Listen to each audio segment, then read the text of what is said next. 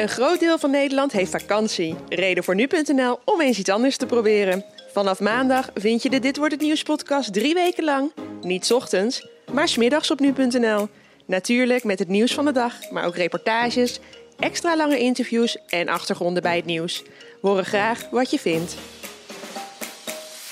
In de auto, onder de douche of aan de keukentafel. Een hele goede morgen. Het is dinsdag 17 juli 2018 en dit is de nu.nl Dit wordt het nieuws podcast.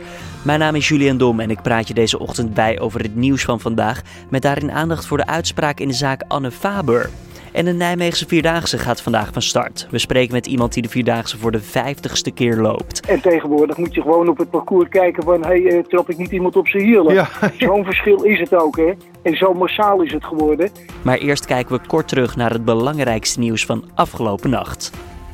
Voordat we het hebben over 50 keer de Vierdaagse, starten we even met de start. Want vanochtend om 4 uur zijn de eerste lopers van de 102e editie van de Vierdaagse van start gegaan. De eerste dag staat bekend als de dag van Elst. Lopers trekken via de Betuwe richting Arnhem en komen via Bemmel weer terug in Nijmegen. Veruit de meeste Vierdaagse lopers leggen de 40 kilometer af. Onder hen zijn ook bijna alle 6000 militaire deelnemers. Zij leggen deze 40 kilometer af met 10 kilo aan bepakking. Aan de Vierdaagse doen dit jaar mensen van 82 verschillende nationaliteiten mee en drie deelnemers zijn 91 jaar of ouder. Vorig jaar liepen meer dan 38.000 mensen de Vierdaagse uit. Daley Blind keert na vier jaar terug bij Ajax. De Amsterdammers hebben met Manchester United een akkoord bereikt over de transfersom voor de 28-jarige verdediger. Ajax betaalt in totaal 16 miljoen euro voor Blind, maar dat bedrag kan nog wel door bonussen oplopen tot 20,5 miljoen. In dat geval zou de verdediger de duurste aankoop ooit worden voor Ajax. De Russische president Poetin is bereid het startverdrag te verlengen. Daarin staat dat Rusland en de Verenigde Staten beide hun aantallen strategische kernkoppen zullen verminderen van maximaal 2200 naar 1500. Het verdrag loopt op dit moment in 2021 af. Volgens Poetin moeten beide landen het nog wel eens worden over de details. Dan kijken we naar de nieuwsagenda van deze dinsdag 17 juli, oftewel dit wordt het nieuws. De rechtbank in Utrecht doet vandaag uitspraak in de rechtszaak tegen Michael P. Die heeft bekend de 25-jarige Anne Faber vorig jaar september te hebben verkracht en gedood.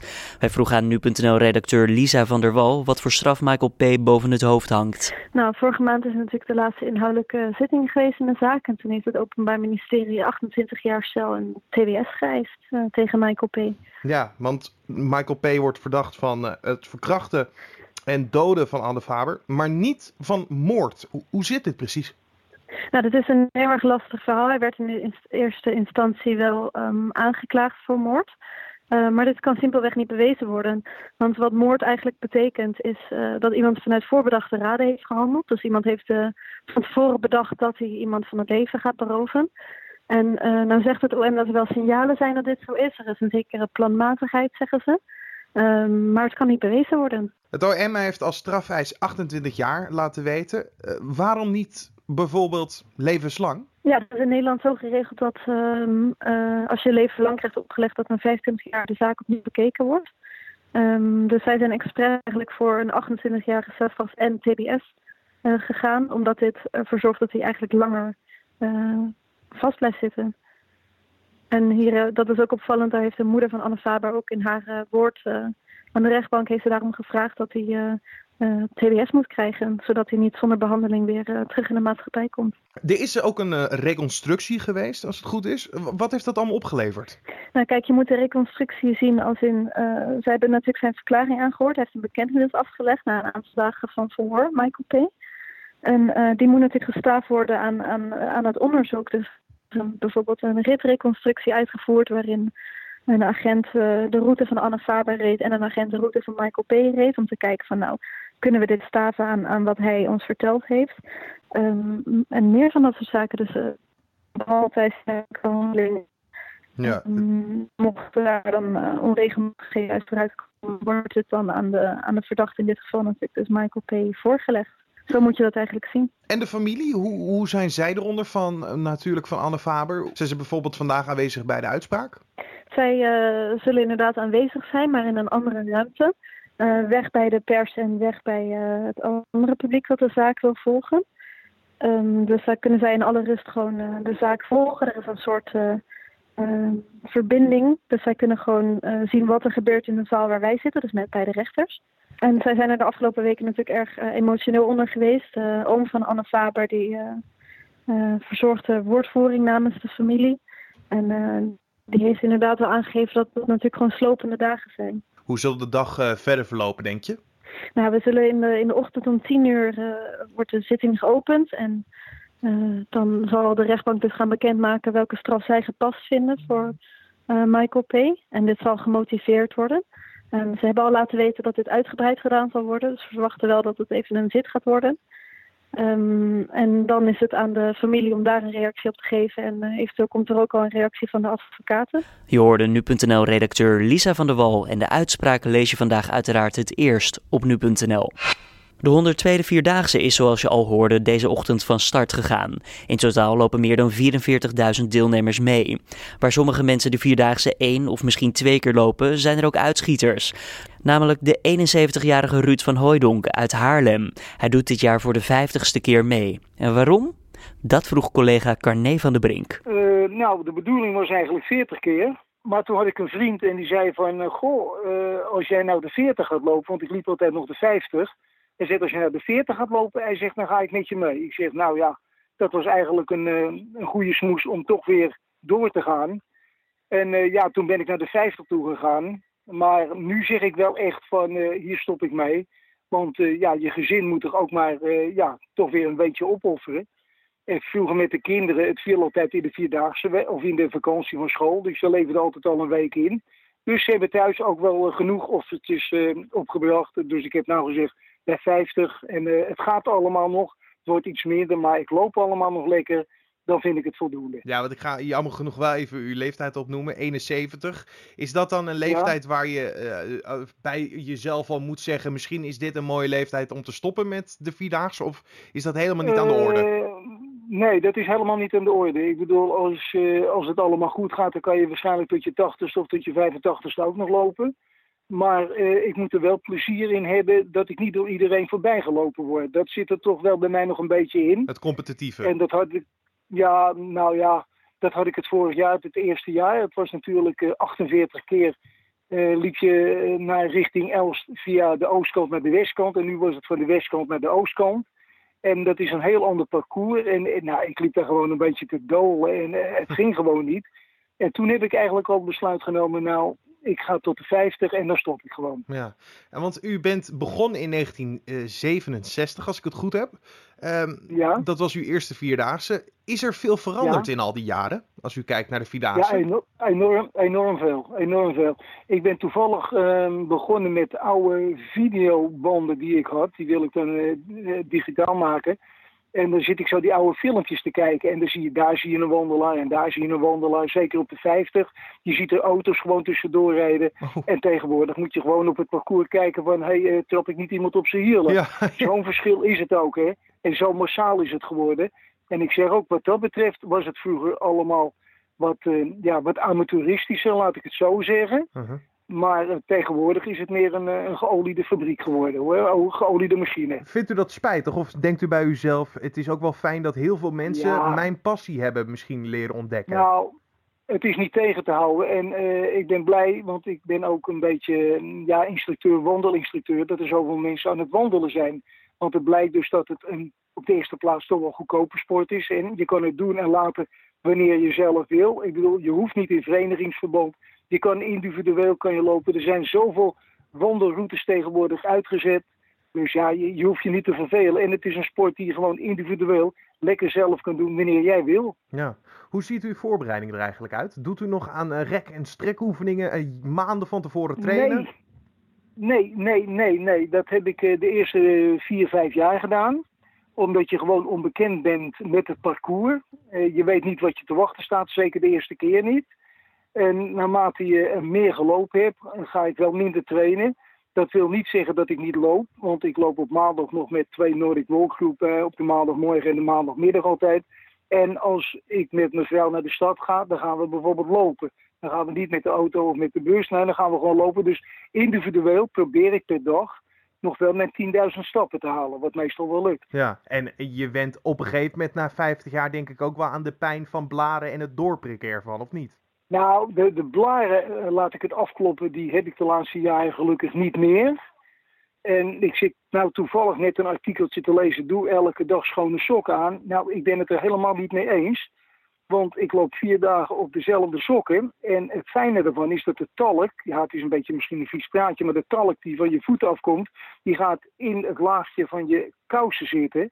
En dat wordt gewoon één glad laag. En als je elke dag schone sokken hebt, zit je weer elke dag met die riebeltjes wat branding onder je voeten kan geven. Ik zeg, ja, het is niet, het is niet smakelijk hoor, want je, stok, sokken die kunnen de vierde dag recht op je bed staan, bij wijze van spreken.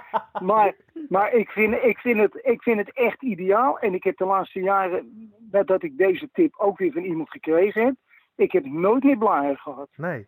Zijn dat van die kleine tips die u al van uzelf door de jaren heen heeft gehad? En zijn er bijvoorbeeld nog meer? Ja.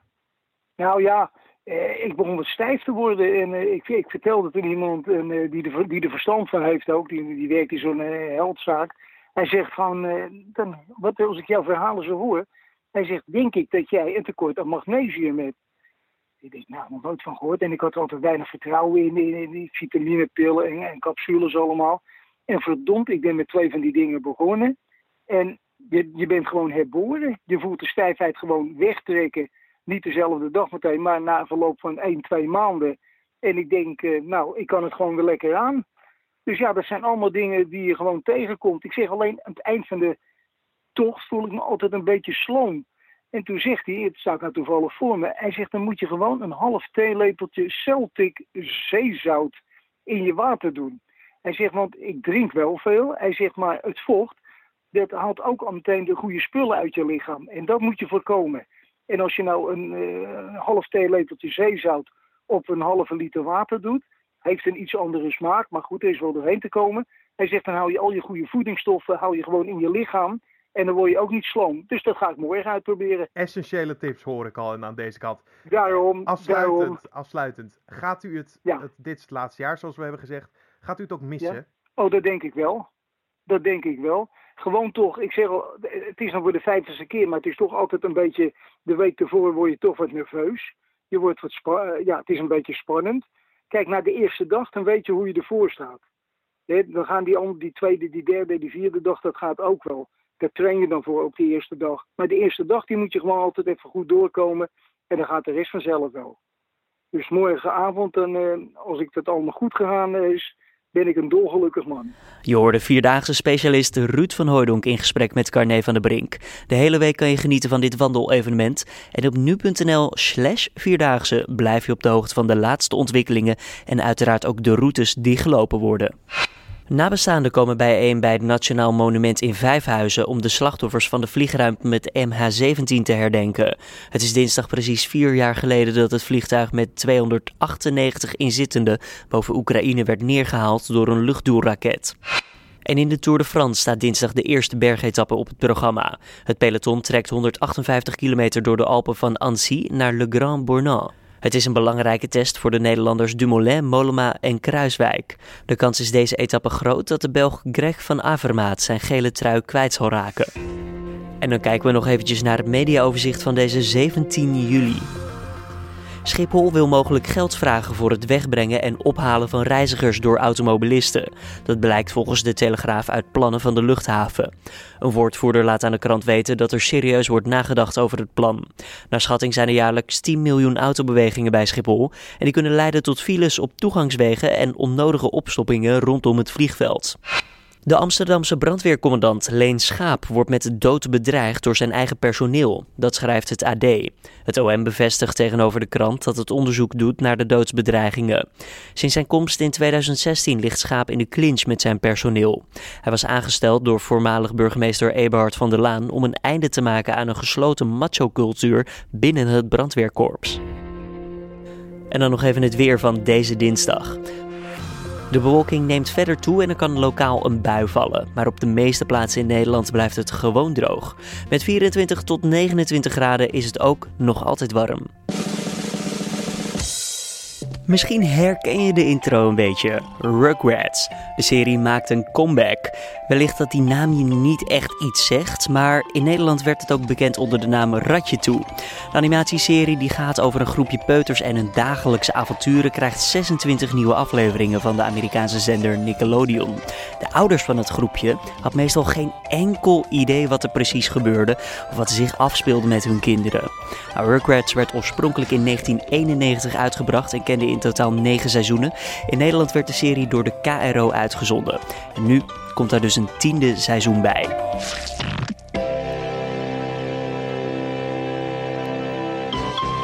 Dit was dan de Dit wordt het nieuws podcast van deze dinsdag 17 juli. Je vindt de podcast maandag tot en met vrijdag om 6 uur ochtends op nu.nl. En wat vond je van de podcast? Laat het ons eens weten via een mailtje op redactie.nu.nl of laat een recensie achter op iTunes of in een van de andere podcast apps. Je maakt daarmee kans op leuke nu.nl goodies. Mijn naam is Julian Dom en voor nu tot morgen.